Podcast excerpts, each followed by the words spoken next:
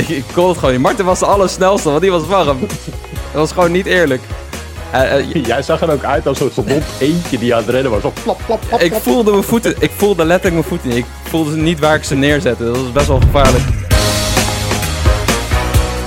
We zijn weer Power Praat hier met Jacco Peek. Jim Voor- Voorwald. Ik zeg je naam, zeg ik het goed? Ja, Jim Voorwald. Ja. Wow, ik struikel er gewoon over je naam heen. En Martin Verschoor, ondergetekende, daar gaan we weer. En eh, je bent gewend of Ron Vostermans, Jacco Peek en Martin Verschoor. Of Jacco Peek, Simon Seilemans en Martin Verschoor. Maar deze week dus eh, Jim Voorwald. Welkom. Hey. Hallo.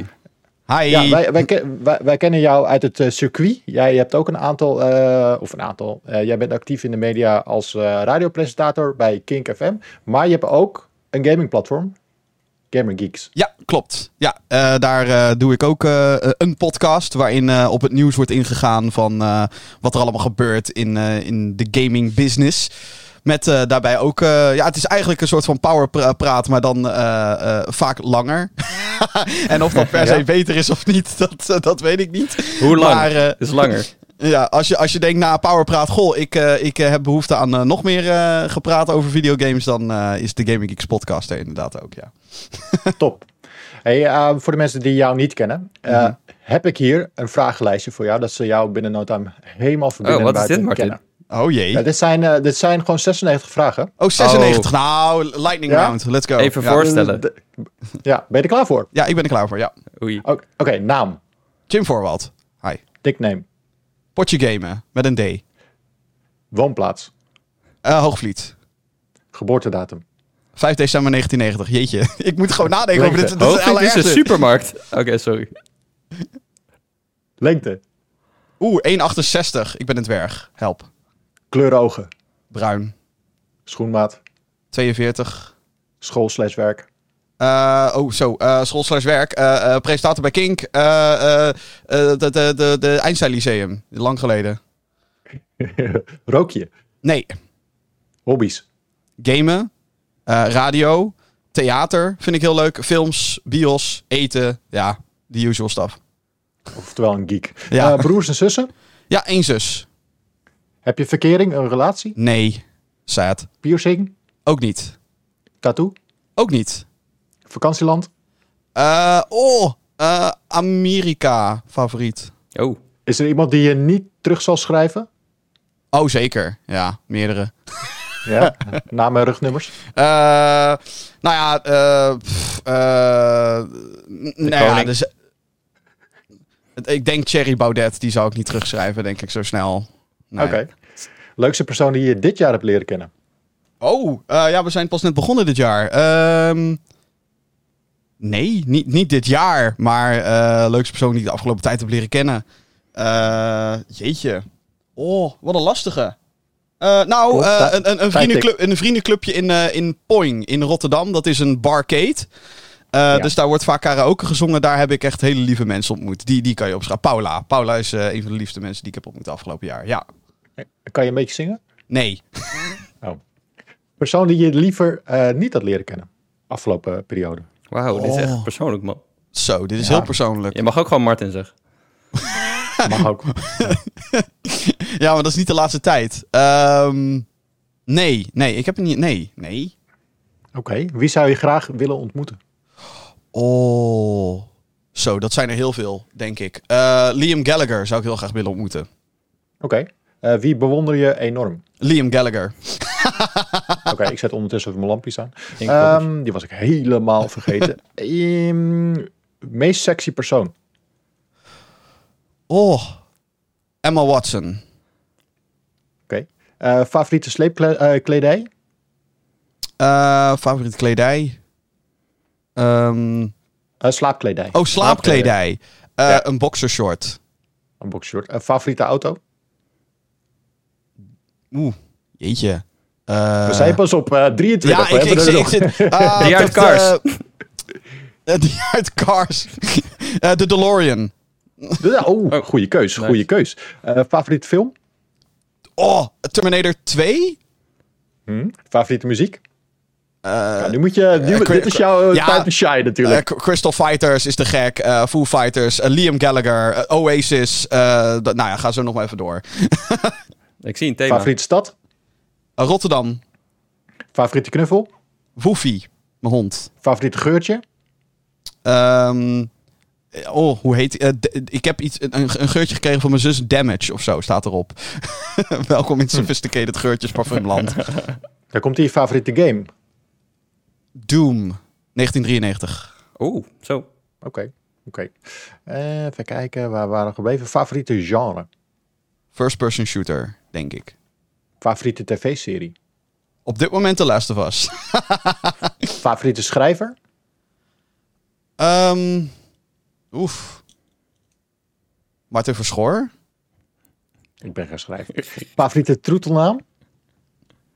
Eh, heb ik niet. Nee, heb ik niet. Wat, wat staat er op je mousepad? Doom Eternal staat er op mijn muismat. Wat ligt er onder je bed? Heel veel videogames. Retro. Meuk. Lievelingskleur? Blauw. Lievelingslied aller tijden? Michael Jackson's Bad. Lievelingslied op dit moment? Skinny Ape van Gorillaz. Lievelingseten? Eh, pff. Oeh, jeetje, wat een vraag allemaal. Eh Vistix is het eerste wat in me opkomt. Vissticks. Ik hou van. Vissticks. Vissticks zijn goed, man. Vraag me niet waarom. school. Dat is het eerste wat in me opkomt. Lievelingsvak op school. Dat was eh, eh, economie, gek genoeg. Oké. Lievelingsdrank? Smirnoff. IJs. Lievelingscijfer? 7. Wow, dit is wel die voorspelbaar, hè? Wat vind je het mooiste aan jezelf? Mijn stem. Welke deodorant... Nee, je hebt een hele goede stem. Ja. Welke deodorant gebruik je? Ax. Stereotype. Welke schoenen draag je het liefst? Eh, All Stars. Hoe laat ga je slapen door de week? Onchristelijk laat. Twee uur s'nachts. Jezus. Welk woord of welke zin gebruik je vaak? Zeg maar. Veel te vaak. Het meest romantische wat je ooit is overkomen. Eh, dat iemand tegen me zei, ik vind je heel lief. Het meest beschamende moment van je leven. Eh, dat iemand een, eh, een... Ik had een werkstuk gemaakt voor een klasgenootje op Valentijn. En die had iemand, eh, zeg maar, gepikt en eh, aan de hele school laten zien. Dat was, ja, dat was heel pijnlijk. Ben je een buitenpersoon of een binnenpersoon? Binnen. Wat doe je in het weekend? Videogames, radio maken bij Kink. Ja, dat. Welk vak doe deed je niet graag op school? Wiskunde. Je ontbijt? Een, eh, een, een, een boterham met eh, kipfilet. Wat eet je absoluut niet graag? Witlof. Huisdieren. Helaas niet. Lachen of dromen? Lachen. Serieus of grappig? Dan grappig. Snel of traag? Traag. Alleenstaand of relatie? Alleenstaand. Simpel of ingewikkeld? Een combinatie van beide. Cremeren of begraven? Ben ik nog niet over uit. Seks of alcohol? Seks. Lang opblijven of vroeg naar bed? Lang op blijven. Licht of donker? Dan toch maar licht. Oeh. Spreken of zwijgen? Spreken. Grote of kleine vrouwen? Of mannen? I don't know. Dit is al een hele... Deze CO2, vraag zouden we aanpassen. 1990. Voor, voor, Ja. voor, voor mij klein. Ja, ik ben zelf ook klein, dus dan ja. Krant of wie- eh, weekblad? Eh, Oeh. Krant. Knuffel of een kus? Een knuffel. Gelukkig of triestig? Gelukkig. Leven of dood? Ja, dan leven. Wie Vijf antwoordt of dat? discotheek? Eh, discotheek. Links of rechts? Ah. eh, in het midden. Saus of erop of ernaast? Ernaast. Bruin of blond?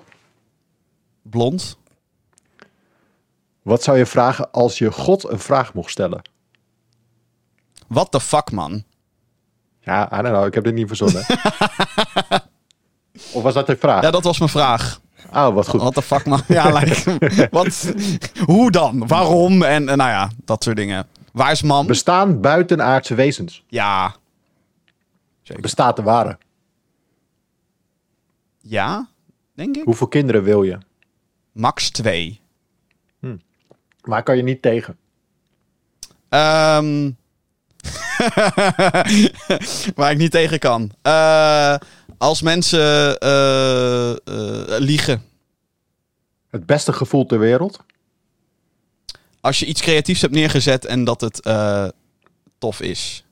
Het slechtste gevoel ter wereld. Dat je een werkstuk voor een Valentijn hebt gemaakt en dat dat aan de hele school wordt laten zien. dat of diarree. Of diarree, hoofdpijn, verkoudheid, alles. Waar ben je bang voor? De dood. Word je soms emotioneel? Heel vaak. Huil je tijdens films? Heb ik gedaan, ja zeker. Ja. Droombezigheid als je ouder bent? Eh, wat was het? Main bezigheid? Droombezigheid. Oh, droombezigheid. In de radiostudio zitten, continu. Geef een van je vele goede voornemens voor het jaar. Minder energy drink drinken. Wat was je eerste gedachte toen je vanmorgen opstond? Podcast, powerpraat, uitroepteken. Als, als welk dier zou je terug willen keren? Als een, een kat. Wat is het mooiste aan je lichaam van een... Nee, wat is het mooiste aan het lichaam van een vrouw slash man? Ehm Oeh. Ja, de billen. Of het nou bij mannen zijn of bij vrouwen. Dat, eh, de billen. Origineelste plek om iemand ten huwelijk te vragen? Mars. Een vraag, man. Jezus, Mars is een goeie. Wat vind je van pu? Leuk. Wat mis je nog aan pu? Mij. Waar heb je deze vragenlijst vandaan? Nou ja, die krijg je gewoon voor je snuffert gevuurd. Ja, ik wou net wat zeggen, Doe je nog meer, wa- wat doe je nog meer op de PC naast slap ouwe hoeren met Jacco en Martin? Videogame, eh, Twitch kijken, video's editen, eh, surfen over het internet, kletsen met mensen. Eigenlijk alles wat een PC behoort te doen. Oké, en dan de laatste vraag. Mis je nog een vraag? Nee, ik denk dat we echt wel alles hebben gehad. Lijkt me. Dat denk ik Het is een ook. flinke lijst dit. Applaus, Jim! Woe! Jee, dat was een flinke li- reis, lijst. Ik weet ook Zo. niet of dat zo'n heel goed idee was om dit te gaan doen. Maar Hoeveel waren het er nou? 96? 96. Maar we weten nu wel echt alles over je. Dus we hoeven je niet meer voor te stellen de volgende keer als je Oh weer mee... man. Jeetje. Ja. Goed, eh, we beginnen deze podcast eh, altijd met een hoogtepunt van onze afgelopen eh, weken. Dus eh, nu je toch lekker op je plaatsstoel zit, eh, Jim, brand maar los. Hoogtepunt van de afgelopen weken. Eh, hoogtepunt van de afgelopen weken is ehm, eh, dat ik Breath of the Wild eh, wederom opnieuw heb ontdekt. Yeah, de- let's go. The Legend of Zelda op, eh, op de Nintendo Switch. Ik, beg- ik begon dit jaar eh, met, het, eh, met het livestreamen van die game. Want Tears of the Kingdom komt eraan, de nieuwe. En ehm, ik had altijd een gemeng, gemengde relatie. It's complicated met eh, Breath of the Wild. Ik weet dat iedereen, hè, bij, bijna iedereen was... Oh, een van de beste Zelda's ooit, een van de beste games ooit. En ik snapte het nooit. Want toen ik het speelde in 2017... Toen eh, ja, ha- had ik een beetje die frustratie met die game. Grote open wereld is het. En eigenlijk kan je daarin van alles en nog wat doen. Als je denkt, ja, maar dat zal wel niet werken in een game. Want ze hebben dingen specifiek geprogrammeerd. Nee, in Zelda werkt het. Dus eh, een, een, een, een, een steen die van een berg afrolt, kan je die stoppen met een stasis ability. Ja hoor, dat kan. En gaat hij dan harder de andere kant op? Dat kan. Ehm, eh, kan je rondvliegen in het spel? Jawel, je moet een beetje creatief zijn, maar het kan. Ehm, en ik, ik had vroeger had ik altijd de frustratie, vroeger, 2017 is vroeger, had ik de frustratie dat ik dan een uur bezig was om een berg te beklimmen ergens in de wereld. En dan was daar boven op die berg een kistje en daar zat dan een zwaard in. Hartstikke leuk, maar dat zwaard gaat dan binnen 10 klappen stuk. En ik Ja. kon dat vroeger niet echt handelen. En nu sta ik er wat meer, ik denk dat ik er wat meer met een open mind ben ingegaan. En nu eh, is het eh, voor mij een van de tofste games sowieso op de Nintendo Switch. En een van de tofste open wereld ervaringen die ik sinds tijden dan wel ooit heb gehad. Omdat het. Het, het, het, is een, het is een game die. Daar waar normaal games vaak bestaan uit grenzen. vanwege eh, technische. bla bla bla. Voelt Breath of the Wild als een frisse wind. omdat het veel meer de speler. Het laat de speler gewoon gaan. Wat eh, best best uniek is als je erover nadenkt. En geen, niet 15 markers op je scherm van, oh, je kan daarin, of je kan daarin, of je kan daarin. Ehm, er zijn wel wat markeringen op de kaart van, hey, dit is je hoofddoel op dit moment. Uh, en dat bestaat vooral uit het bevrijden van vier Divine Beasts. Om uiteindelijk Ganon te gaan verslaan in het kasteel. Die in het midden van de, van de grote wereld zit. Maar het is zo'n. Um, het is een spel dat, ook al heb je hem ook nog niet gespeeld, is het zo de moeite waard om dit nog te doen. En voorheen was ik totaal niet hyped voor Tears of the Kingdom. Dat ik dacht, waarom doen ze zes jaar over het vervolg van Breath of the Wild? Ik bedoel, copy-paste, voeg wat dingen toe, klaar. Maar inmiddels begrijp ik wel dat er veel meer achter zit. En uh, uh, ga ik graag mee op de hype train. Uh, ook al moet ik dus Breath of the Wild nog uitspelen en ik heb nog heel veel uren te gaan. Maar wat, wat een game. Wat een subliem design zit erin. En dat is iets wat je niet heel vaak meer tegenkomt. Ja. Nee, ik, vind het leuk. Mijn, mijn vierjarige is nu de, de, deze game ook aan het spelen op de Switch. Oh, echt? En dan kijk ik met hem mee. Um, dat is wat ik doe als verantwoordelijke ouder. Meekijken met je kids wat ze aan het spelen zijn. Of op YouTube aan het doen zijn. Um, en het is zo leuk om te zien hoe hij die game aan het beleven is. Hij is vier, hij snapt er geen fuck van. Maar wat hij, uh, uh, wat hij doet is gewoon rondrijden op een paard door de open wereld. Mm. En gewoon, gewoon, oh kijk, daar loopt een heel groot beest. Dan gaat hij met een hele grote boog omheen lopen, omdat hij hem eng vindt. En hij is gewoon lekker door die wereld aan het banjeren. Het is gewoon voor hem een soort van gekke Pokémon-avontuur of zo. Want ook die game ben je lekker aan het ontdekken. Alleen daar word je heel tijd lastig gevallen door Pokémon. En uh, word je in een battle getrokken. En hier kan je gewoon lekker vrij rondlopen. En uh, ook al is het niet een game natuurlijk voor vierjarigen. Hij is gewoon onschuldig door die wereld aan het lopen. Hij doet niet, niets of niemand kwaad. En als hij iemand aan ziet lopen, dan gaat, rent hij er vandoor. En het is gewoon leuk om hem ook in die wereld uh, te, zien, te zien ontdekken. Ja, dat is het. Je kan die game vijf minuten spelen. Je kan hem drie uur achter elkaar spelen. En hij blijft maar geven en geven. Ik, ik zie nog video's voorbij komen over Zelda, Breath of the Wild, die ik niet wist.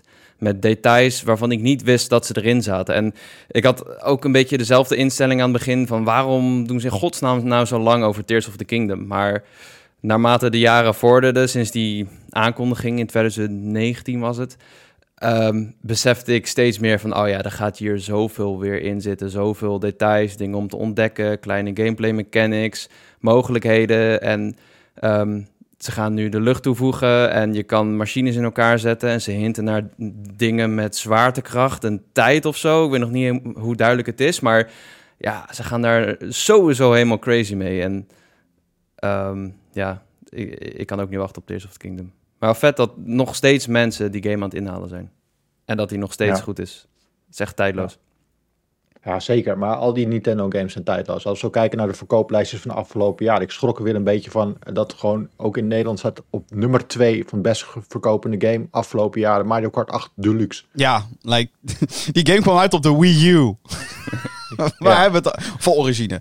Maar echt, het is, dat is, um, het is, het is heel machtig om te zien hoe goed game design en, en goede, goede, mooie art direction. Want dat is het ook. De Switch is geen powerhouse. Maar alsnog is ook in Mario Kart, maar ook in Breath of the Wild zijn er soms momenten of scènes dat je gewoon even stilstaat en denkt: dit ziet er zo vet uit. en dan weer doorgaat met je, met je avontuur. Ja, ja. heel mooi. Uh, mijn hoogtepunt is ook Nintendo gerelateerd, hoop ik. Um, ik dacht, ik maak gelijk Zo hoop ik. Nou, Weet je toch? Nou, nee, het, het moet nog gebeuren, hopelijk. dan gaan we weer. Oh ja, dan komt hier weer Hype Train, Jacco. Moet de jingle oh, instarten? Uh, ja, mag. Maandag is uh, Pokémon Day. En we krijgen oh, ieder jaar een Pokémon Presents. En jongens, we zijn zo dichtbij de Game Boy en Game Boy Advance games op de Nintendo Switch. Nu ze die aan Switch Online hebben toegevoegd. Oh, en ik hoop gewoon dat ze deze week een keer aankondigen. Want ik wacht daar al zo lang op. Dat uh, vooral de GBA-games, omdat ik daarmee begonnen ben. Totdat die een keer naar de Switch komen. Totdat ik die op een groot scherm kan spelen. Zonder dat ik een oude Game Boy mee moet nemen. En dan weet ik nooit welke. En uh, het scherm is klein. En je zit met een aparte lader. Ik wil ze gewoon op mijn Switch. Op een groot scherm. En ik wil ze mee kunnen nemen. En gewoon mijn favoriete Pokémon games herbeleven. En, uh, en wat nou als het niet gebeurt, Jacco? Ga je dan een Steam Deck kopen? Uh, nee, dan ga ik nog langer wachten, denk ik. Ja. Echt waar? Je bent zo braaf. Ja, ja maar kijk, Steam Deck is zo groot, man. En dan ga ik het alleen kopen voor Pokémon dadelijk. Ik wil, ik wil het gewoon bij elkaar hebben op één platform, op mijn Switch. En er zijn best wel een aantal hints naar dat het uh, zou kunnen gebeuren. Het komt niet uit de lucht vallen. Uh, onder andere omdat de Nintendo 3DS eShop dicht gaat. En de Game Boy games eh, van Pokémon die je daarop kan kopen, die gaan dan weg. Dus dat zijn de eerste twee generaties. Uh, dus die zijn dan niet meer beschikbaar. Dat is vlak voor Pokémon Day. En uh, er was ook een Japanse advertentie voor Pokémon Stadium, die dan weer naar de Switch Online voor Nintendo 64 komt. En er was een melding die zei: je kunt Pokémon niet overzetten van de Game Boy games naar Stadium. Want dat was een ding vroeger. Je had zo'n transfer pack. Maar die melding hebben ze weggehaald in Japan. Plotseling. Dus. En er waren al geruchten over toen dat uh, die emulator uitlekte. dat ook een transfer pack bij zat. En daar maakten maar een paar games gebruik van, waaronder Pokémon. Dus um, er zijn wat hints naar. Ik heb geen idee of er... Er komt sowieso een present deze week, maar uh, wanneer die gaat gebeuren weet ik niet. Maar ik hoop dat het mijn hoogtepunt wordt van de week. Oké, okay. uh, wat kunnen we nog meer verwachten van Pokémon Day? Ze pakken altijd wel lekker uit, toch? Ja, ik denk dat we in ieder geval een update krijgen voor Scarlet en Violet. Uh, maar ik denk ook dat ze DLC aankondigen. Want dat uh, in plaats van een derde versie of een nieuwe versie maken ze tegenwoordig DLC. Um, en ik denk dat we daar gewoon een aankondiging van krijgen. En wat het gaat zijn, weet ik niet precies. En ik weet ook niet wanneer die uitkomt, want normaal is dat iets voor de zomer. Maar na de backlash van deze games kan ik me ook voorstellen dat ze misschien een beetje uitstellen. Het is net een update ja. geweest en die fixte best wel wat dingen. En die voegde ook wat quality of life dingen toe aan de Pokémon boxes en zo. Allemaal wat dingen als je er iets dieper in zit. Maar um, ja, ik, ik, misschien dat ze een beetje zijn geschrokken van de, van de backlash. En denk nou, misschien dat we iets langer de tijd nemen en ons focussen op één uitbreiding bijvoorbeeld. Maar uh, ja, ik denk dat we iets van een nieuw gebied krijgen met een nieuw verhaal en een nieuwe um, mythic Pokémon zo. En verder weet ik niet zo goed. Je, je hebt nog Pokémon Sleep. Dat was een Detective Pikachu game in ontwikkeling. Die is een lang geleden aangekondigd. En dingen voor Pokémon Go, die gaat ook nog steeds door natuurlijk. Daar verdienen zoveel geld yep. aan. En uh, die, uh, hoe heet die andere game? De, de MOBA. Pokémon... Unite. Unite. Unite, ja, ja. Die gaat ook nog steeds uh, best wel oké okay, volgens mij. Um, dus ja, redelijk voorspelbaar allemaal. Maar Game Boy games zou echt shit zijn. Ja. Oké. Okay. Nou, ik hoop het voor je. Ik, uh, ik werd laatst wel gebeld door iemand voor een Pokémon event in Nederland. En die belde me echt net vijf minuten geleden weer. Vier minuten geleden. Dus hopelijk is dat maandag. Dan kunnen we daar hand in hand heen jakken. Een Pokémon-event? Ja. Oh. Pokémon-event? Nice. ja, triggered. Jacco is triggered. Oké. Okay. Uh, goed, mijn uh, uh, hoogtepunt van de afgelopen twee weken. We hadden het in onze vorige Powerpraat al over. En ik weet even niet of Cheert en Wouter het er al over hebben gehad. Ongetwijfeld. Denk maar onze Elfstedentocht. we zijn twee weken geleden zijn we op een bakfiets twee dagen lang door Friesland wezen stoempen. Uh, we hebben uh, echt de Elfstedentocht gedaan. We zijn gestart in Bolzwart, hebben we het rondje naar boven gedaan. Uh, hebben we overnacht in Bolzwart, hebben we daarna het rondje naar beneden gedaan. We hebben 219 kilometer gefietst, zo uit mijn hoofd. Ja. En we hebben geprobeerd Pokémon uit te spelen. Dat is volgens sommige mensen niet gelukt, volgens andere mensen weer wel. Um, maar we hebben vooral uh, heel veel gelachen. Dit hebben we allemaal live gestreamd ook op, op Twitch. Met vier verschillende camera's. Uh, challenges onderweg. Het was een lijpe ervaring. Ja. Uh, ik, en ik, het echt wel een van de hoogtepunten nu al van dit jaar. Niet alleen van de afgelopen twee weken, maar nu al van dit jaar. En ik denk dat we er hier nog wel maanden over gaan praten. Want het was echt heel tof. En ik doe op, we nemen dit op op dinsdagochtend. En ik doe altijd uh, ook uh, dinsdagochtend even een rondje fietsen. 16 kilometertjes hier uh, in Den Haag richting Wassenaar en dan weer terug. Dat is ook een mooi gebied. Maar ik miste een beetje Friesland vanochtend, uh, Jacco. Ja? Oh, je kan ik me voorstellen. Het was zo mooi met de...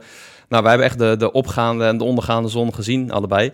Want we zaten ja. om acht uur al in die bakfiets met min drie. En het was koud, jongen. Tussen de scholieren, dat vond ik ook leuk. Ja, wij pringeltjes uitdelen. Wil je pringels? Sommigen zeiden, nee, dank je. en sommigen zeiden, oh ja, graag. Ja, heerlijk. Ja, was lachen. Ja, stop. Ja, ik miste het helemaal een beetje. En want ook uh, Ivander, onze editor, die deelde gisteren op Instagram nog een mooie uh, dronebeelden ook nog. Dus ja. shit, man, dat was toch wel heel lijp. Nee, dat was, uh, dat was tof. Uh, als je het hebt zitten kijken, dan heb je kunnen genieten van hoe Jacco en ik aan het stuntelen waren. Hoe kledingrekken ingefietst waren. En gekke brugjes, bruggen in Bartoliem hebben getrotseerd. En jouw sprint... ik, ik ging oprecht stuk om het begin. Dat letterlijk de eerste hoek die genomen werd al meteen had die bakvis op zijn zij flikkert. dat je denkt, oh nee. Ah, hij is maar, zo zwaar dat ding, jongen. Mijn god. Ja, dat ding was zwaar. Er zit er ook nog iemand voor in van 80 kilo minimaal. Met een uh, hoog, uh, hoog zwaartepunt. Dus uh, het was lastig. Maar als jij hem vaart had gemaakt, dan ging het wel. En dat ding ja. had het gewoon volgehouden, hè? Ja. Bizar. Oh. Ja. Ja, ja ze is helemaal ja. heel teruggekomen. En Eh, het was al koud, man. Zeg maar, de eerste ochtend voelde ik echt mijn voeten niet meer. En de allereerste fucking challenge was een 50 meter sprint winnen van Evander. Ja, joh. Ik, ik, ik kon het gewoon niet. Martin was de allersnelste, want die was warm. Dat was gewoon niet eerlijk. Eh, eh, Jij zag er ook uit als een gewond eentje die aan het rennen was. Zo plap, plap, plap, ik voelde mijn voeten, ik voelde letterlijk mijn voeten niet. Ik voelde ze niet waar ik ze neerzette. Dat was best wel gevaarlijk. Ja, dat je daar je enkels niet hebt gebroken is echt een wonder, ja. Nou, jij hebt je Achilleshiel, uh, Achillespees Ja, geschreven. ik had eh, even mijn hamstring eh, verrekt. Ja. Daar had ik Ja. even twee dagen last van, maar het is nu weer prima deluxe. Het is echt gelijk Maar alles ik, gegeven. Ik heb, ik heb die 20-jarige er wel even uitgesprint, ja. Zo, ja, dat ging goed. Ja, dat ging heel goed. Goed, eh, maar dat was mijn eh hoogtepuntje van de afgelopen twee weken. Dat was eh, episch en op naar het volgende. We hebben nog een eh, aantal mooie projecten eh, dit, eh, dit jaar staan. Eh, volgens mij gaan we eind deze week alweer de eerste volgende grote aankondigen. Ja. En eh, ik wil niet diegene zijn die hem gaat spoilen, dus ik haal nog even wijselijk mijn mond. Maar Shit. ook eh, la- later dit jaar eh, bestaat uh, PU 30 jaar. En Daar zijn we Is het op alweer de- 30 jaar? 30 jaar, yes. Oh mijn god, ik voel me oud. Ja, dat is eh, officieel eh, in juni. Maar omdat we dan een beetje met de E3 in de gamezomer zitten. eh, ik- Ah, wat daarvan over is gebleven in ieder Ik geval. wou net eh, zeggen. De E3. trek- trek- ja, trekken we hem door naar se- september, oktober. Dus dan eh, gaan we, gaan we eh, drie hele vette dingen doen. Het In wordt het groter dan je 30 denkt. Groter Ja, dan en mensen ik denken. een- ja, echt. eh, nou, als alles lukt, ik heb fingers crossed. Ja, oké. Ehm, Schrijf even mee, jongens. Drie grote dingen. Dus, dus ja, even, het- het even in je een speculatielijst. Drie grote dingen. Het is zijn eh, twee grote fysieke dingen ook. Nee, eigenlijk vier grote fysieke dingen, als, Oh, als ik het goed zeg. Ja. kijk. Een Eh, PlayStation anyway. 5 en een Xbox zijn best groot, fysiek. Ja, die gaan we weggeven. Ja, dat, dat is het minste wat we kunnen doen. Oh. Dat, dat Een is, dat is- dat PC-kast is zijn- ook groot. Ja, maar jij denkt aan dingen winnen. Natuurlijk kan je dingen winnen, maar dan, dan Oh. dat is Oh. onderdeel van iets veel Een bioscoop is groot. Een theaterzaal is groot. De Ziggo Dome is Ik groot. zag, Ja, ja, die- die- dan die- kom je in de die buurt. Dingen, dan kom je in de buurt. Spannend. Ehm, anyway, ehm, waar wilde ik heen gaan? 30 jaar pu. Mooie project. 30 jaar puur. Ja, ik wil even een shout-out geven aan de mensen die... eh, ehm, eh, eh, we gaan sowieso alles digitaliseren. Alle nummers van PU. Want we hebben ze digitaal vanaf 2015 zo uit mijn hoofd. Eh, maar we willen alles digitaal hebben. Zodat alles en iedereen gewoon even... eh, nou ja, de eerste PU weer kan herbeleven. Ik weet mijne nog precies met Bart Simpson op de voorkant. En, een en een profcheck van eh, de, de beer uit Lemmer. Oftewel Rintje Ritsma. Ik, ik kan alle screenshots ken ik nog dromen. En ik denk dat meer mensen dat wel hebben. En eh, we willen dat gewoon. eh, sommige mensen hebben ze niet meer. Eh, ik, eh, ik heb ze ook niet meer allemaal. En ik heb er af en toe best wel spijt van. Ehm, dus we willen gewoon weer dat je ze ook weer kan herbeleven. Gewoon even, eh, weer even doorheen kan bladeren, dan digitaal. Eh, maar eh, door meerdere verhuizingen zijn we wat kwijtgeraakt de afgelopen jaren.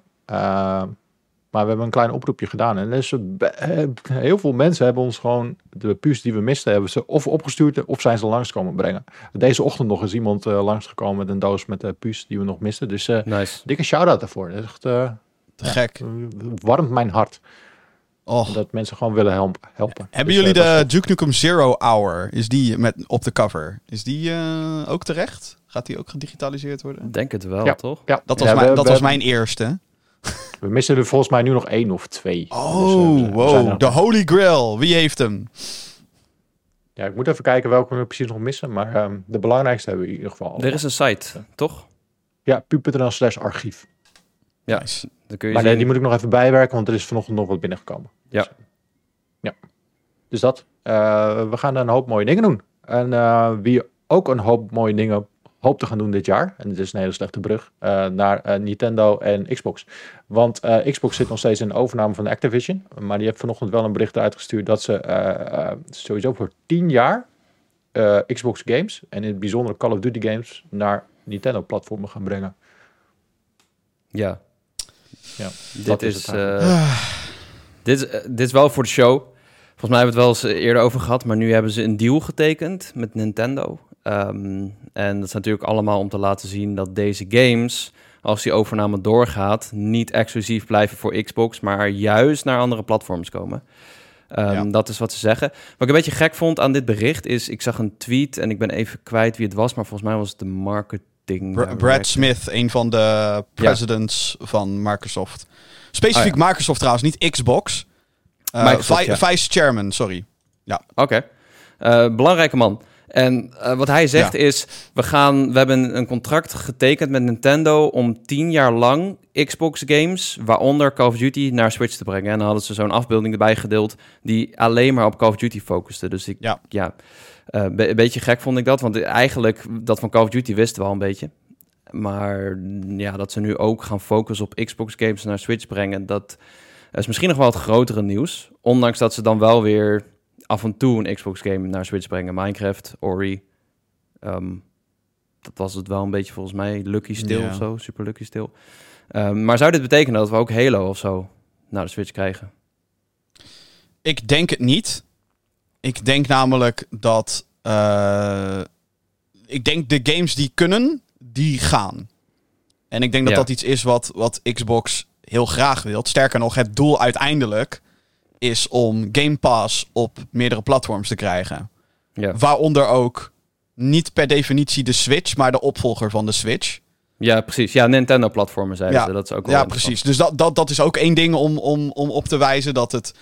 Nergens wordt het woord Switch genoemd. Het is al, altijd Nintendo players. Dus het gaat waarschijn- hoogstwaarschijnlijk om eh, wat hierna komt.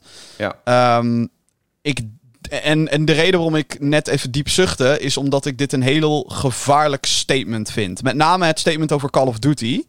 Omdat wat, wat er gezegd wordt bij Call of Duty... eh, er staat hier... eh, a binding 10-year legal agreement... to bring Call of Duty to Nintendo players... the same day as Xbox... with full feature and content parity Ja, vertaald is dit. eh, alles wat op de Xbox-versie zit, komt ook op de Nintendo-versie. En de reden waarom ik ook denk waarom eh, niet alle Xbox-games dan ook maar automatisch op Nintendo gaan verschijnen, is omdat het verschil in kracht tussen een Nintendo-platform en een Xbox-platform is groot. De Switch en Xbox One, laten we dan wel een soort eerlijke vergelijking doen tussen aanhalingstekens de Xbox One is vele malen sterker dan een Switch. Logisch, de Switch is een portable apparaat die je toevallig ook op de televisie kan aansluiten. ja. Ehm, en ik weet niet wat Nintendo gaat doen met hun volgende platform. Maar er is no way dat die even sterk gaat zijn als een Xbox Series S. En dan doe ik het nog heel gunstig voor Nintendo. En dat betekent niet dat het, het per se een slecht platform gaat worden of wat dan ook. Het succes van de Switch zegt, het- daar is alles mee gezegd.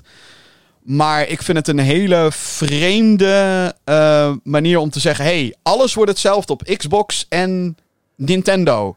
Wat dus in feite betekent dat je heel erg je ontwikkelaars gaat remmen in wat ze gaan kunnen doen de aankomende tien jaar met Call of Duty, Ja. op zijn minst. En daar maak ik me oprecht zorgen over. Niet vanuit Nintendo. Nintendo heeft waarschijnlijk zoiets van. Oh, eh, eh, eh, Microsoft is smekend naar Nintendo gegaan. Want kunnen we deze deal alsjeblieft tekenen? Want dat staat goed voor ons. En Nintendo be like, tuurlijk, whatever. We hebben jou eigenlijk niet nodig, maar het zal wel. En dat is het. Nintendo heeft Call of Duty niet nodig. Gezien het succes van de Switch. En is het wel leuk voor Call of Duty spelers? Ik bedoel, we, klagen elk jaar al met z'n allen met... Oh, er is zo weinig vernieuwing in Call of Duty. Dit remt het nog meer. Omdat, hoe je het ook went of keert... Er gaan features inkomen die ontwikkelaars ongetwijfeld gaan verzinnen... maar vervolgens niet kunnen implementeren... omdat het op Nintendo hardware moet draaien. Omdat dat nu tien jaar moet. Omdat het een legal agreement is. Ze moeten. Eh, Ja. Dus ik, ik weet niet of dit per se goed is voor de toekomst van Call of Duty en first-person shooters in zijn algemeenheid. Nee, ik- ik zie het ook niet helemaal voor me. Want je gaat natuurlijk nooit een Modern Warfare 2 laten draaien op een Switch. Eh, misschien op een opvolger, eh, misschien met gebruik van cloud. Maar hoe ik dit voor me zie, is een eh, Call of Duty Mobile en een Warzone Mobile op Switch. Dat kan draaien als een zonnetje. Dat kan gebruik ma- maken van crossplay. Het is free-to-play. Dus al die, wat is het, 120 miljoen Switch-gebruikers... die kunnen toegang hebben daartot. Ehm, je kan eh, veel geld verdienen aan microtransacties, season passes, skins, whatever. Dat is hoe ik Call of Duty voor me zie op de Switch. En maar dat is niet wat er in het spelen. statement staat. Nee, maar noemen ze, noemen ze expliciet Xbox en PlayStation. Eh, nee, er staat de same day as Xbox. Dus ze hebben het specifiek over Xbox Call of Duty. Dus dat zou dan in dit geval zijn Modern Warfare 2. With full feature en content parity. En dat is iets waar ze... eh, er staat waarschijnlijk ergens een clausule in die agreement... dat er qua technische dingen wel eh, dingen anders kunnen zijn. Ja. Maar daarom, dus ze kunnen niet wegkomen met... oh, we poorten wel een oudere Call of Duty of zo naar, naar de opvolger van de Switch. Of hier is eh, Modern Warfare 2 Reflex Edition, zoals vroeger op de ja, dat, Ehm, maar da- Love daar kunnen ze dus niet meer wegkomen. En dat, Nee. dat vind ik... ehm, gevaarlijk is een groot woord, maar het, het, het, het, het is een investering vanuit Microsoft om deze deal inderdaad door te laten gaan. Ehm, maar dat betekent dus ook dat Xbox waarschijnlijk gewoon nog een, nog een team moet oprichten. Om te zeggen: jullie zijn het Nintendo hardware team. Ehm, veel succes. Want er Ja. zijn al weet ik hoeveel teams die er nu moeite mee hebben. Ik bedoel, Hogwarts Legacy is nu uit op PS5, Xbox Series en PC. In april komt hij pas naar PS4 en Xbox One. En in juli pas naar Switch. En dat wordt geen cloud versie. En ik nee, denk nee, ook... magie Nee. heb ik gehoord. Ja, dus... dus oh god. nee, maar, dat- maar dat, dat wil maar aangeven hoe... Het is geen copy-paste van code, zo van hier, het werkt. En, Nee, maar nee. die Switch-versie komt toch gewoon later uit, omdat ze hem willen verstoppen. Ze willen hem verbergen. Dat iedereen gewoon lekker Ja. jubelend is over die PS5-versie, Xbox Series X en PC-versie. Straks komt die PS4-versie, die waarschijnlijk minder, minder 30 fps. Ja, eh, op zijn pijnlijk minst. voor je ogen. En dan die Switch-versie, die even onder het ijzer, jongens. Maar, oeh. ja. Maar ja, maar, alsnog... maar dat is ta- taak voor ons om dat even goed in de gaten te houden, Ja. natuurlijk. Ja, ik bedoel, ik, ik, hebben, hebben echt zin om Call of Duty in 500p op 30 fps te spelen? ik- Ja, wij, wij niet de nieuwe. Maar nee, maar ook die installbase van die Switch is best wel groot. Eh, en als je dan kijkt ehm, hoeveel, eh, vooral jonge spelers die eigenlijk heel Call of Duty nog niet mogen spelen, maar dat wel willen spelen, eh, alleen een Switch hebben. Dan Ja. zijn het er best veel. En die zitten nou ook te ploeteren met andere games op, op een Nintendo Switch. En die vinden wel weer een manier omdat het wel zodat voor hun prettig is. Dus ik, Ja, ik had dat vroeger dus ook. Dat, die, je had inderdaad die tijd met die Reflex Editions. Ik speelde Call of Duty op de Nintendo DS. Omdat ik geen ander platform had waar die normaal op draaide. Of in ieder geval de nieuwe versie op uitkwam. Ja. En ik vond het fucking vet. Maar het draaide voor geen ene meter. Je moest met je touchscreen moest je eh, zo tikken om te aim down sight. En dan moest je zo eh, richten. En dan moest je met je linker trigger, als je rechts was, moest je schieten en zo. Eh, ja, dat, eh, maar die, die games waren gemaakt door andere teams. En ik vraag me Exact. af of ze bijvoorbeeld een, eh, een Saber Interactive kopen. Of zijn die al van Microsoft? Ik weet het niet. Nee, die zijn Embracer. van... eh, Embracer, ja. ja. Of ze, misschien dat ze wel zo'n poorthuis kopen om gewoon dit soort games naar een Switch te porten. Want ja, het kan wel. Als je echt hele goede optimalisatie maakt, dan kan het werken. Maar ja, we, ja. En expert planning ook. Want dit is, dit is een Die, project van die heb is ik jou daar. Die is gelekt, die planning. Ja, die is, Deze pla- week. ja, die is gelekt. Ja. ja, maar als het gelijk moet uitkomen inderdaad. Ja. Ja. ja. Anyway, interessant dus. Ehm, Tom Henderson, die gooit daar ook nog net een bericht buiten. Die, die zegt het moet nog wel op cloud gaan draaien. Ja, dat zou ik ook zeggen. Uh, ja. Ja, The easy Anyway, way out. Easy way out. ja. Maar als het werkt, dan werkt het. ja. Eh, deze week is eh, de release van de PlayStation VR 2. Ehm, een nieuwe hardware voor de PlayStation 5. Eh, de hype rond de PlayStation 5 was insane. Iedereen wilde dat ding hebben, maar was nergens te krijgen. En twee jaar na de release is hij eindelijk een beetje goed verkrijgbaar. De hype rond de PSVR 2 stukken minder. Daar hoort bijna niemand over. Dat ding wordt goed gereviewd. Het is ook, eh, ik heb hem hier, ik kan hem, ik pak hem er even bij. Eh, als jullie straks willen. Zet hem Eh, het is een mooi. Ja, ik zet hem even op. het is een mooi, het is een fantastisch stukje hardware. We hebben hem ook gereviewd. Ehm, eh, alle reviews zijn positief over het ding. Ik heb een, het is, het is geniaal. Het ding is pleurisduur en ik denk dat dat het grootste ding is van, van de PlayStation VR. Ik denk dat mensen wel geïnteresseerd zijn. Ze zijn wel benieuwd. Uh, maar het is een beetje hetzelfde in de PSVR 1. Je ge- doet het drie keer en daarna niet meer. Ik heb dat ding hier nu een week liggen. Ik zou het elke dag, elk moment van de dag kunnen doen. Maar ook ik, ik, ik gebruik het bijna niet. ja, maar de En- eerste PSVR was wel een stuk goedkoper. En ik denk dat dat wel een verschil is. Ja. Die, die- dat was wel, zeg maar... Hij was sowieso goedkoper dan de console waarop je hem speelt. Dat is al een ding. Maar eh, het was wel een beetje een instapmodel. Daarom is hij ook best wel vaak verkocht. Hij echt iets van 5, 6 miljoen keer of zo. Wat toen, hij was de eh, snelst of best verkopende eh, VR-headset na de, Ja. voor de Quest 2. Ehm, maar ik denk dat het ook aan de games ligt. Dat Ja. er niet heel veel op is. Ja, ik geloof dat de PlayStation VR 1 launchte met dezelfde prijs als de console toen. Dus 400 Oh, ja. euro. Daarna ging dus de prijs inderdaad snel naar beneden. En toen, toen wilde het een beetje lopen. Ook ik had mijn PSVR 1 gekocht toen in zo'n bundle. Weet je al, met meteen twee controllers en een game. Dan ben je van het... eh, want dat kwam er vaak ook nog eens bovenop. Dan, had- dan kreeg je niet eens een zo'n... Wat was het? De Move, Move. was het? Ja, Ja. de Move controller. Move controller, Eh, vlammende dildo's. Ja, met een bolletje erop. Veel, veel plezier. Het vibreert, weet ik niet eens. Maar ehm, dat is wat ook de PSVR 2 natuurlijk duurder maakt. Is het feit dat de headset erbij zit en de controllers zitten er nu standaard bij.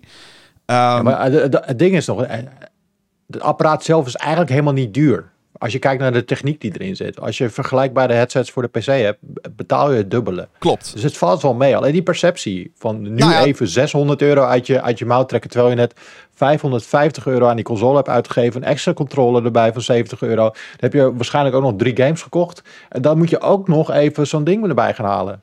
Waar je ook nog games voorbij moet kopen. Want Exact. zo'n Call of the Mountain van Horizon, die is gewoon full priced. En dat is ook het probleem, is dat ehm, ook al zien wij het als degene die er verstand van hebben, tussen aanleidingstekens, ik heb geen verstand van VR. Maar je kan het zien als een apart stuk hardware. De meeste mensen zien het als een toevoeging op een PlayStation 5. En als een toevoeging duurder is dan het apparaat zelf, dan krijg je natuurlijk wel wat gefronste wenkbrauwen. Wat begrijpelijk is vanuit de perceptie van iemand die denkt: oh, wat grappig, een extra ding voor mijn PlayStation duurder dan de ook, eh, Pass.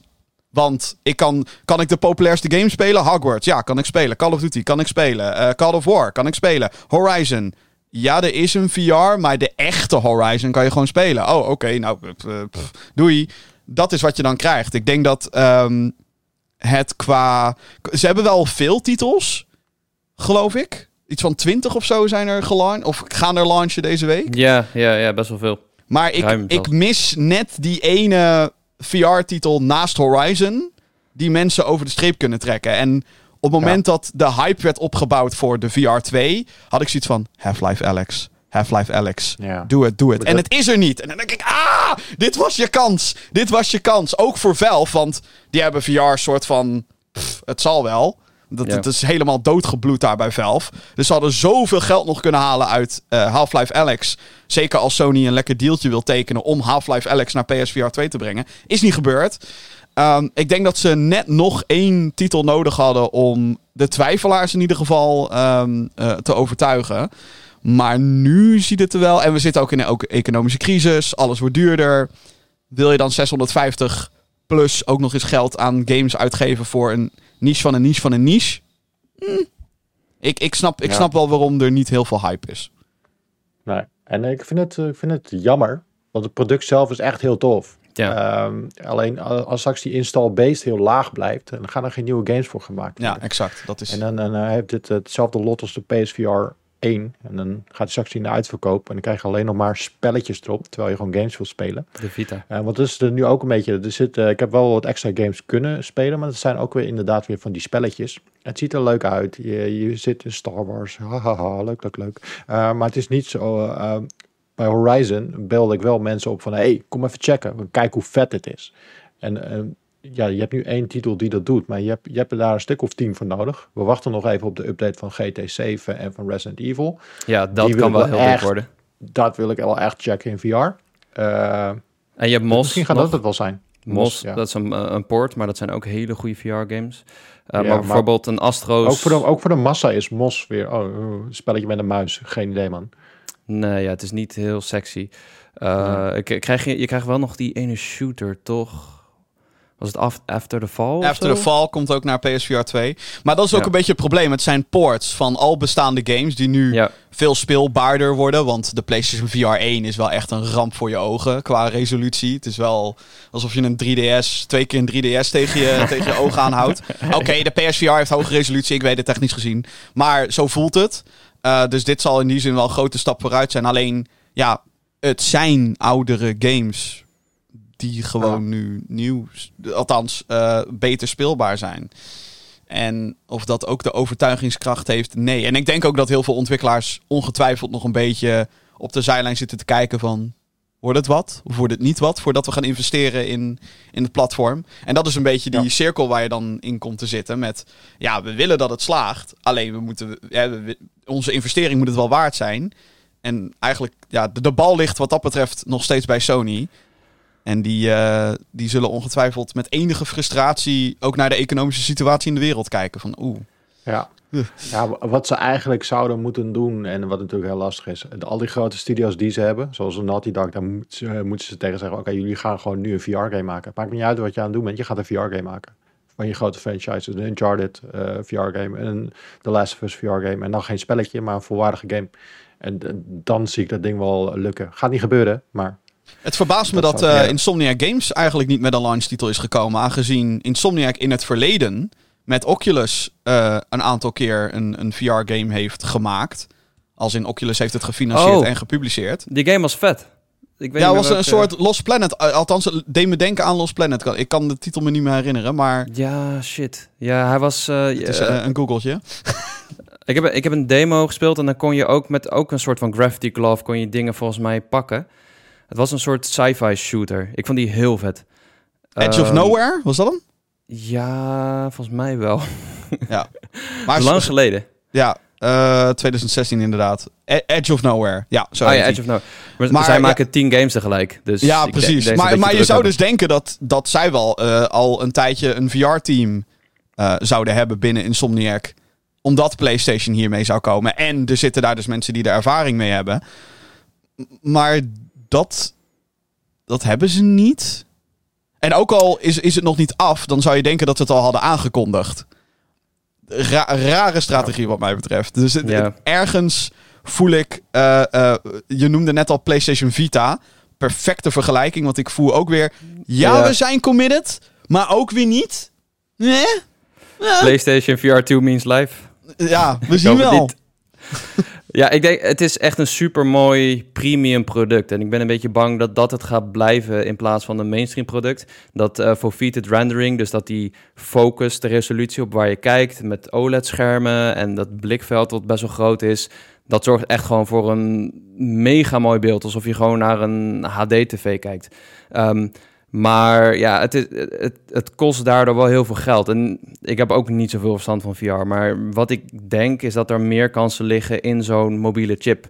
Alleen die zijn nog niet daar om dat soort grootschalige ervaringen te maken. Zo'n Quest 2 was niet voor niets de populairste VR-headset. Omdat die, hij is super licht, je hebt geen kabels, je hebt een mobiele chip erin. Je kan gewoon inloggen, je kan games er naartoe sturen en kopen met je telefoon. En that's it. En ik bedoel, Beat Saber is ook heel vet erop. Je hebt alleen nog niet zo'n killer app. Plus, die kun je op elke PC aansluiten. Dus als jij Ja. dat ding koopt en je hebt toevallig toegang tot een platform wat niet verplicht is, dan kun je alsnog een Half-Life Alex spelen. Of misschien wel via zo'n cloud ding, hebben sommige mensen ook geprobeerd. Wat ook wel aardig schijnt te werken. Dus ehm, ik zeg niet dat Sony dat had moeten doen, maar ehm, ik zie dat eerder slagen of echt mainstream doorbreken dan dit. Uh, maar ik hoop dat het uh, lukt. En uh, ja, een prijsverlaging, dat is misschien wel een van de eerste dingen die ze zouden moeten doen. Plus meer games. Goede Ja, games. Weet je, als we kijken naar de PS5, weet je, die is juist duurder geworden met 50 euro. Ja, Dus, dus een prijsverlaging zie ik niet gebeuren hè, in de komende Nee. periode. Ik, ik hoop dat we het volgend jaar nog steeds hebben over de PSVR 2. En dat het een volwaardig platform is geworden. Ik hoop het ook. Want eh, Ja. ik denk dat er heel veel potentie zit in VR die er niet uitgehaald wordt, omdat het een hele riskante business is om, eh, om in te, in- ja, überhaupt winst in te maken. En ik denk dat PlayStation daarin een, een sleutelrol kan slash moet spelen. ja, ja. Wat wordt er gespeeld, eh heren? Er wordt veel gespeeld volgens mij. Er wordt veel gespeeld. Als ik naar mezelf kijk, dan ben ik veel aan het spelen. Tegelijk. Ik maak dingen niet af. Ik heb mezelf beloofd, ik ga eerst Dead Space afmaken. Oh, doe het. Doe het. Ja, ja, I know. Ik ben Do bezig. it. Maar ja, het nieuwe seizoen van Apex Legends is ook weer begonnen. Dus daar zit ik nu weer vuistdiep in. Nee, Martin, laat het los. Apex, eh, Nee, nee, nee, Apex kun je niet goed. uitspelen. Laat het Nee, los. Nee, wel. Jawel, maar ik heb wel mijn Battle Battle Pass kan je gehaald. uitspelen. De Battle Ja, Pass. die heb ik gehaald, Jacko. Haal de Battle Pass moet ik Battle even halen. Pass. En dan moet je je leven aangeven aan een Battle Pass. Ik ben weer bezig. Ik ben weer invested. Ja, oké. Nee, je moet gewoon spelen wat je leuk vindt. Kunnen we het daar Ja, even dat- over hebben? Over hoe Battle Pass op dit moment heel veel games eigenlijk aan het eh, kapotmaken is? Vind je? Ik vind het wel eens een betere oplossing dan lootboxes. Er was, eh, gisteravond was er nog een ehm, op eh Tros Radar op de televisie was er een item van 15 minuten Jeetje. over eh, Fi- FIFA-kaarten. Ah, Oh, ja. over, over hoe dat eh, schadelijk is. Eh, ze hadden mij gebeld vorige week, Tros de Radar, of ik hier wat over kon zeggen. Eh, dat heb ik gedaan. Ehm, nou, blijkbaar niet slim genoeg, want ik, ik heb de uitzending niet gehaald. Ehm, ehm, maar ik vond een beetje, eh, het is een beetje, die uitspraak van, eh, van, de, van de raad was vorig jaar al geweest. Het was twee weken geleden, werd er in Europa besproken. En daar hebben ze gestemd van, ja, we gaan het onderzoeken om, eh, of we een Europees plan kunnen trekken tegen dit soort lootboxes. Dus ik heb een beetje van, ja, we zijn het allemaal met elkaar eens. Er moeten regels voor komen. Dus waarom nog twee jaar na dato, terwijl de meeste lootboxes al een beetje weg zijn? Of eh Ja, het item is laat, in je? games zitten? Zeg je? Het item is laat van Tros. Ja, dat Ja, hadden ze eerder ja. moeten doen. Ja. Veel eerder. Ik, ik, eh, want de enige grote game waar het nog echt in zit is dan FIFA. Met ehm, de, de, de, het kaartje trekken. Het, een paar Activision Blizzard games hebben het ook nog. Maar je ziet dat heel veel andere games, die zijn al proactief overgestapt op andere systemen, zoals een Battle Pass. Wat wel transparant is en waar je echt van tevoren al kan zien van oké, ik investeer misschien hier voor de komende drie maanden 10 euro in. Maar ik zie wel precies wat ik kan vrijspelen. En dat vind ik op zich wel een mooi systeem. Eh, dat je als eh, speler echt zelf de keuze krijgt in plaats van ja, zomaar willekeurige eh lootboxes opentrekken en die echt op jouw ehm, systeem merken van oké, met confetti, toeters en bellen van oké, nog eentje, nog eentje, nog eentje. Ja. En, en dat is met de Battle Pass wel een stuk minder. Het is Dus een stuk minder, maar het is andere psychische manipulatie die er Ja, plaatsvindt. zeker. Maar ik vind het wel beter dan, dan lootboxes sowieso. Maar wat, wat, wat, wat vind jij er dan eh, minder aan? Nou, wat ik nu dus merk, eh, er zijn de laatste tijd zijn er heel veel live service games die hun einde aankondigen, dan wel nu beëindigd zijn. En afgelopen week zag ik heel wat artikelen voorbij komen op met name de internationale websites dat Multiversus nu eh, heel weinig spelers meer trekt op Steam. En wat me opviel was, ehm, ik bedoel de helft van comments en tweets en zo die op dat soort berichten komen, die kan je gelukkig negeren. Ehm, maar het commentaar wat enigszins beargumenteerd leek te zijn, hing allemaal rondom de Battle Pass.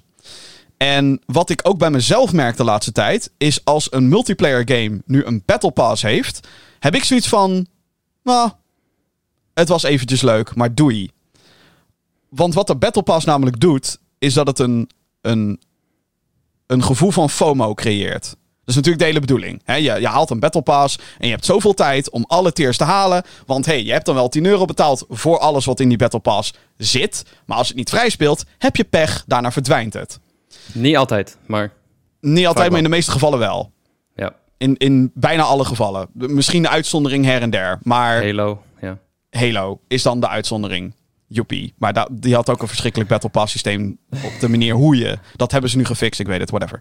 Ehm, het probleem met de Battle Pass is dat inderdaad... Hè, je krijgt een aantal tijd en daarna is het weg. Klaar. Doei. The Mandalorian Seizoen 3 komt straks uit. En kan je de Mandalorian skin in Fortnite straks kopen? Nee, want het zat ooit in een Battle Pass. Hm, gek. Wat het dus doet, is dat het mensen psychisch gezien verplicht om een game te spelen. Je koopt een Battle Pass en ergens zit er een trigger nu in je brein. Je moet tier zoveel halen, tier 100 vaak, want dat is de laatste reward voor je Battle Pass.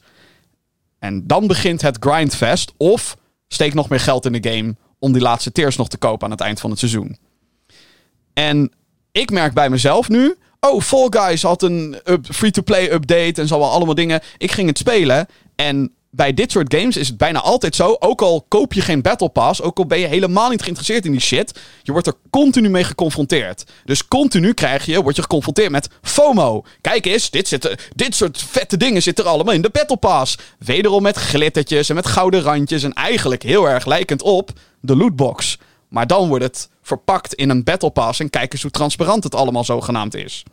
Ja, het is transparant, maar de psychische manipulatie is even sterk. En wat ik bij mezelf nu merk is... Fall Guys heeft een Battle Pass. Mooi, die ga ik dus niet spelen. Want ik ben al committed tussen aanhalingstekens aan mijn Fortnite Battle Pass. En aan mijn Overwatch 2 Battle Pass. En daar ligt bij mij nu de grens. Eh, dus Multiversus kwam uit. Ook Battle Pass hier. Complete challenge. En doe dit voor je Battle Pass. En krijg XP voor je Battle Pass. En ja, maar deze gratis Battle Pass. Zit daar de goede shit in? Natuurlijk niet. Koop de Battle Pass. Whatever, dat kan allemaal. En het is nu doorgeslagen. Net als met dat lootboxes op een gegeven moment doorsloegen. En dat het letterlijk in elke game met een multiplayer functionaliteit, soms niet eens. Looking at you, Shadow of War, Mordor, whatever.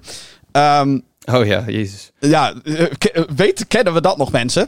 Maar het is, het, is een, het is een systeem wat nu is opgeblazen en daardoor niet meer werkt. En dat de frustraties, bij mij althans, heel erg ophopen. Dus als ik een multiplayer game zie met een Battle Pass, heb ik zoiets van... Je moet wel echt van supergoeie huizen komen, wil ik er mijn werk van maken. En dat is wat de Battle Pass nu met games doet.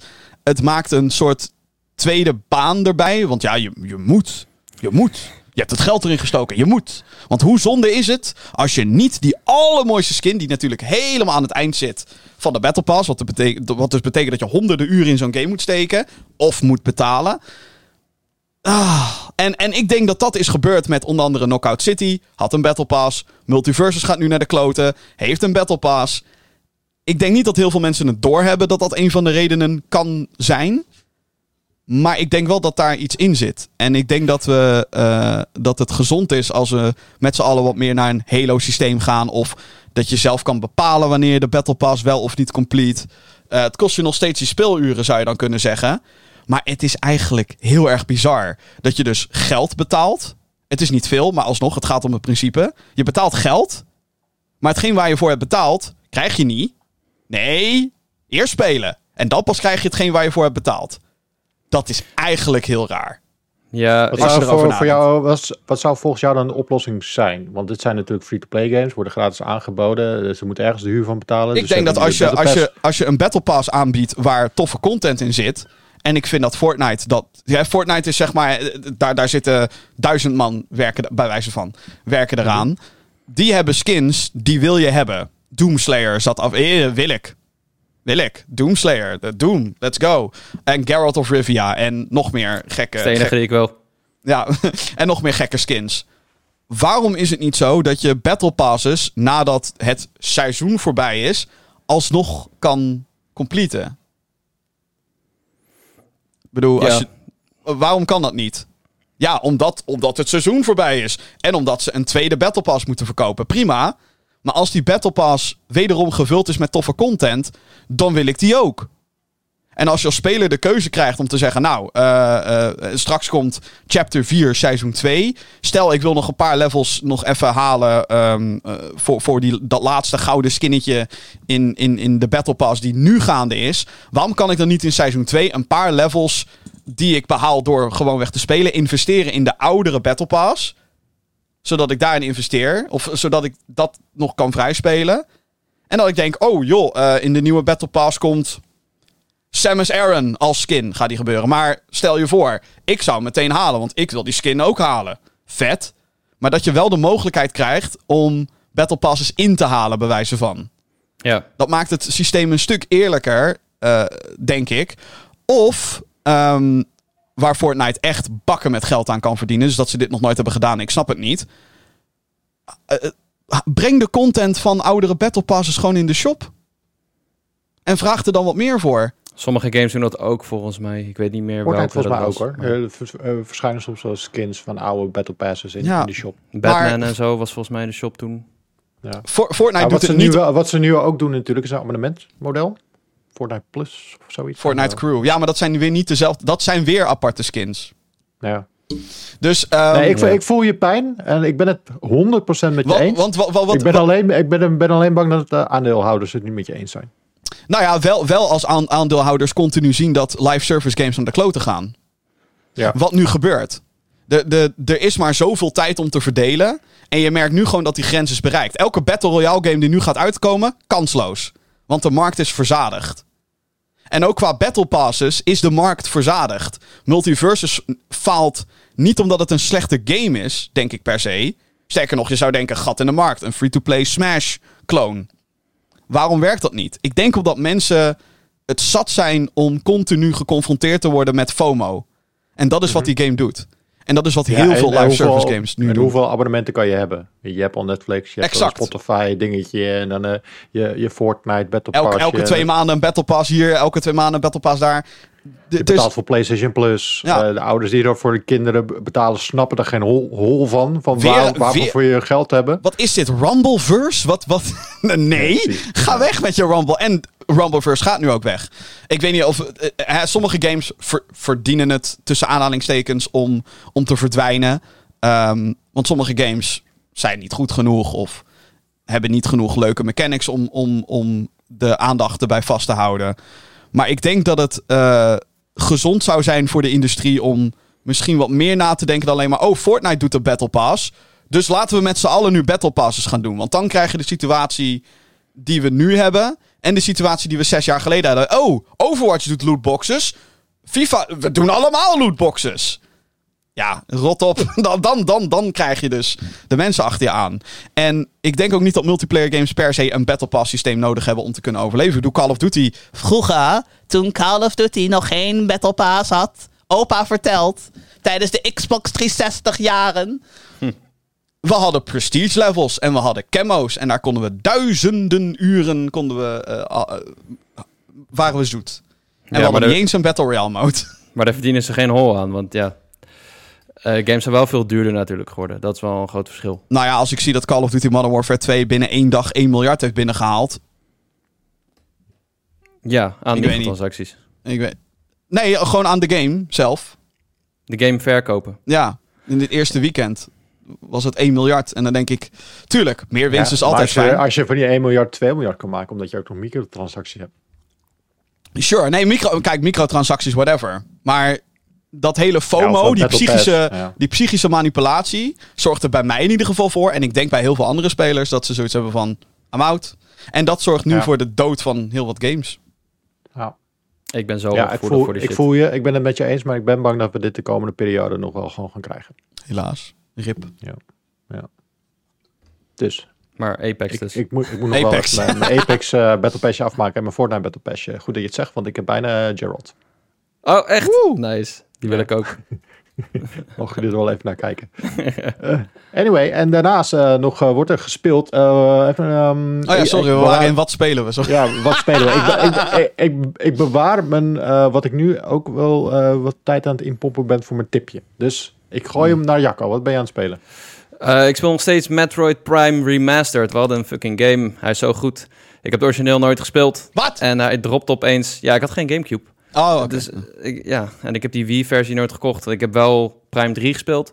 Eh, maar deze game is zo goed verouderd op een paar dingen na. Maar ehm, ik heb gemerkt dat Metroid, waar ik het vroeger altijd een beetje intimiderend vond en best wel lastig. En ik ben sowieso heel slecht in de weg vinden.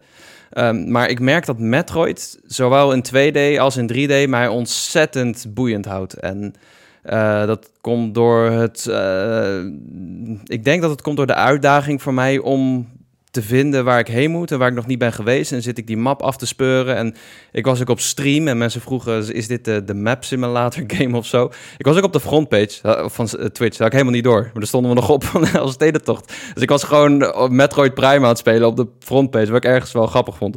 Eh, want het is niet de beste stream game, maar.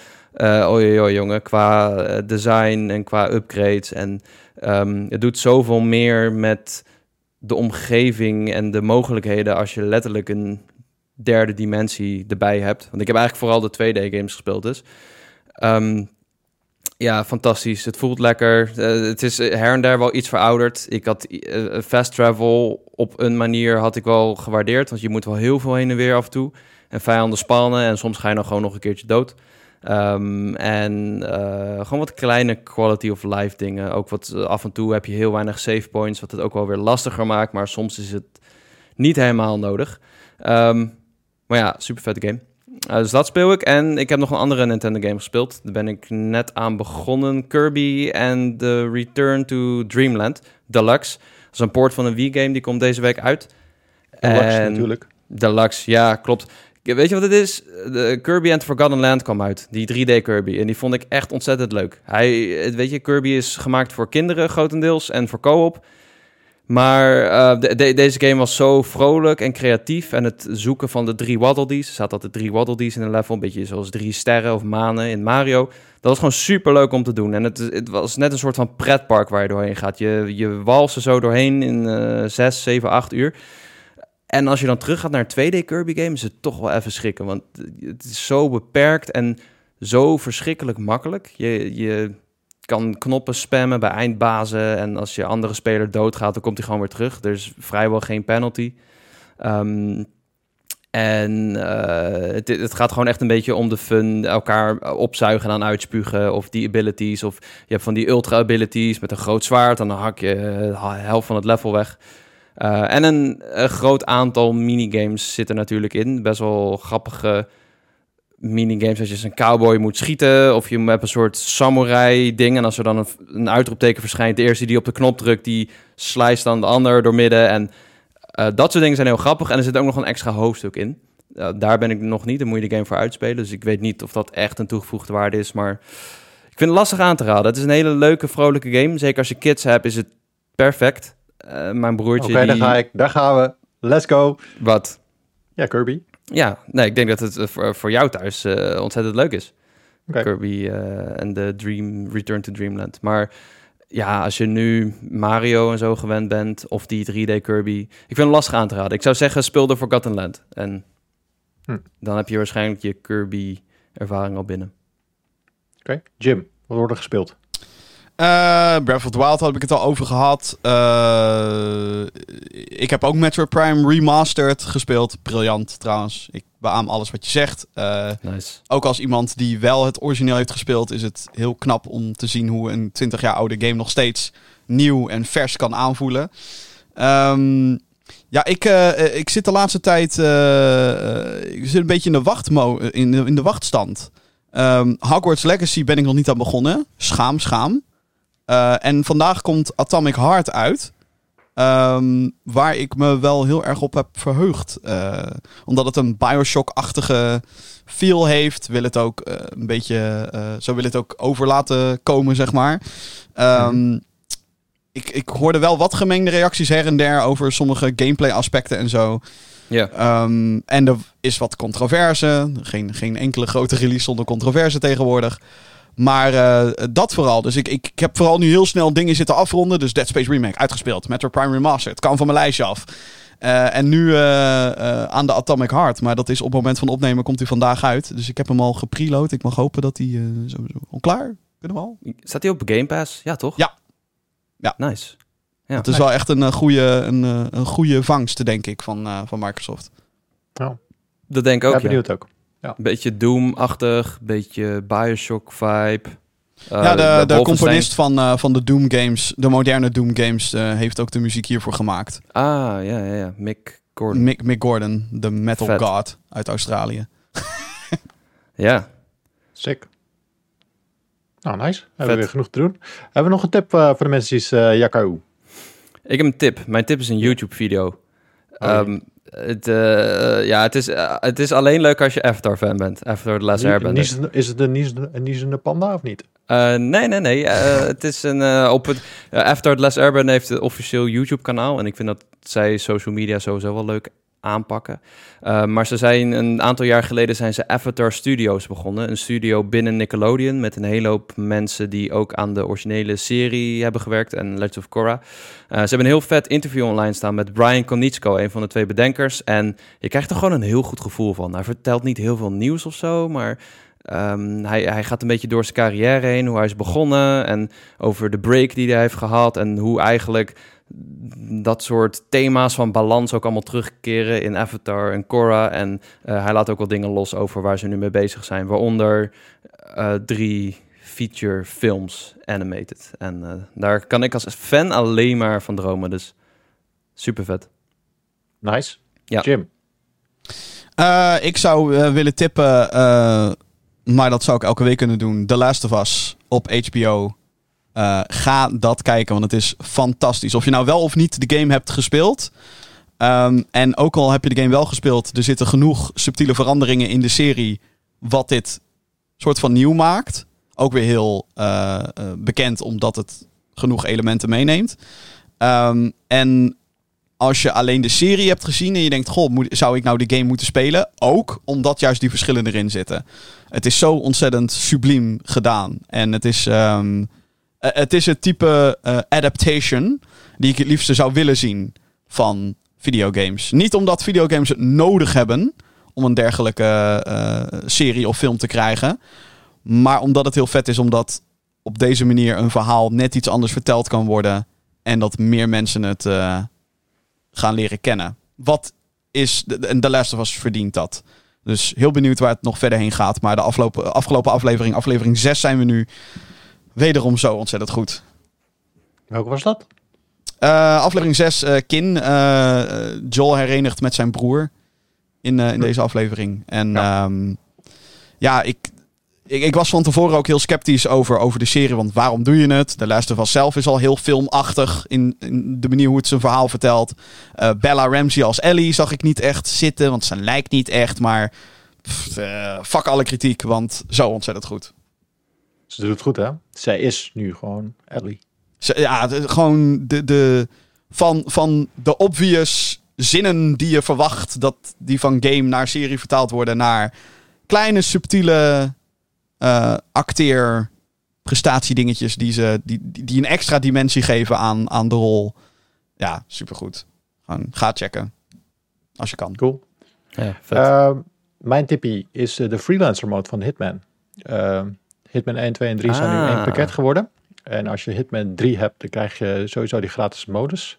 En dat is een soort van roguelite modus voor Hitman. je yeah. hebt een safe house. En vanuit het safehouse kan je dus missies aannemen. En als je doodgaat, dan ben je dus ook weer alles kwijt. En dan moet je gewoon weer uh, opnieuw beginnen. Uh, maar uh, als je die verschillende missies doet, dan verzamel je ook equipment, wapens, dat soort dingen. kan je weer meenemen naar je safehouse. En dan kan, we, kan je dat weer meenemen naar een andere missie. En het is wel een hele vette take op Hitman.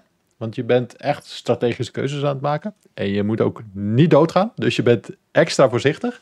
En je kan een missie gewoon starten. Maar dan moet je hem wel afmaken. Want um, ja, als je eruit gaat, dan is het gewoon klaar. Uh, dus je voelt je echt engaged als hitman. Je voelt je ook echt bedreigd. Het is niet even van, oké, ik heb een save pointje aangemaakt. Van nou, als ik doodga, dan uh, begin ik wel lekker opnieuw. Uh, je hebt gewoon één kans. En uh, that's it. Spullen verzamelen. Uh, uh, het, is maar net, het is maar net wat je missie is. En ze gebruiken gewoon die vaste maps van, van Hitman. Maar die delen ze dan weer helemaal opnieuw in. Met nieuwe storylines erin. En het is echt heel goed gedaan. ik ben sowieso een liefhebber van die serie. Ik vind het fantastisch. maar ik denk ook als je dit ooit een keer hebt gespeeld en je hebt het een tijdje niet gespeeld, dit is het moment om terug te gaan naar die game. Want dat hebben ze echt heel goed gedaan. Het is gewoon gratis. Je kan het gewoon checken.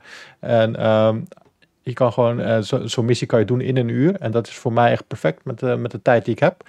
De, dat ik gewoon uh, even een uur een missie Hitman kan spelen. En je baalt als je het niet haalt, omdat je dan weer je spulletjes kwijt bent. Je, moet weer op, je gaat weer echt terug naar het begin. En het is dope. Het is echt heel goed gedaan.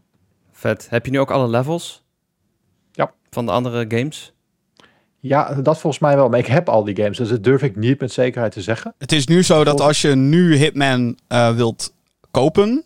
Het uh, volledige pakket moet halen. Ja, dan, dat is Hitman ja. World of Assassinations. Dus Hitman 3 ah. is gedelist tussen aanleidingstekens. En mocht je alleen Hitman 3, of mocht je Hitman 3 al hebben... dan kan je tegen een lager tarief de levels van 1 en 2 uh, halen, geloof ja. ik. Ah, oké. Okay. Heel slim, overigens, vind ik. Heel vet, ja. Maar is dik, is dik. Ga checken. Goed, we hebben het gered. Jij ook als luisteraar slash kijker. Ik wil jullie uh, bedanken, uh, Jacco, Jim.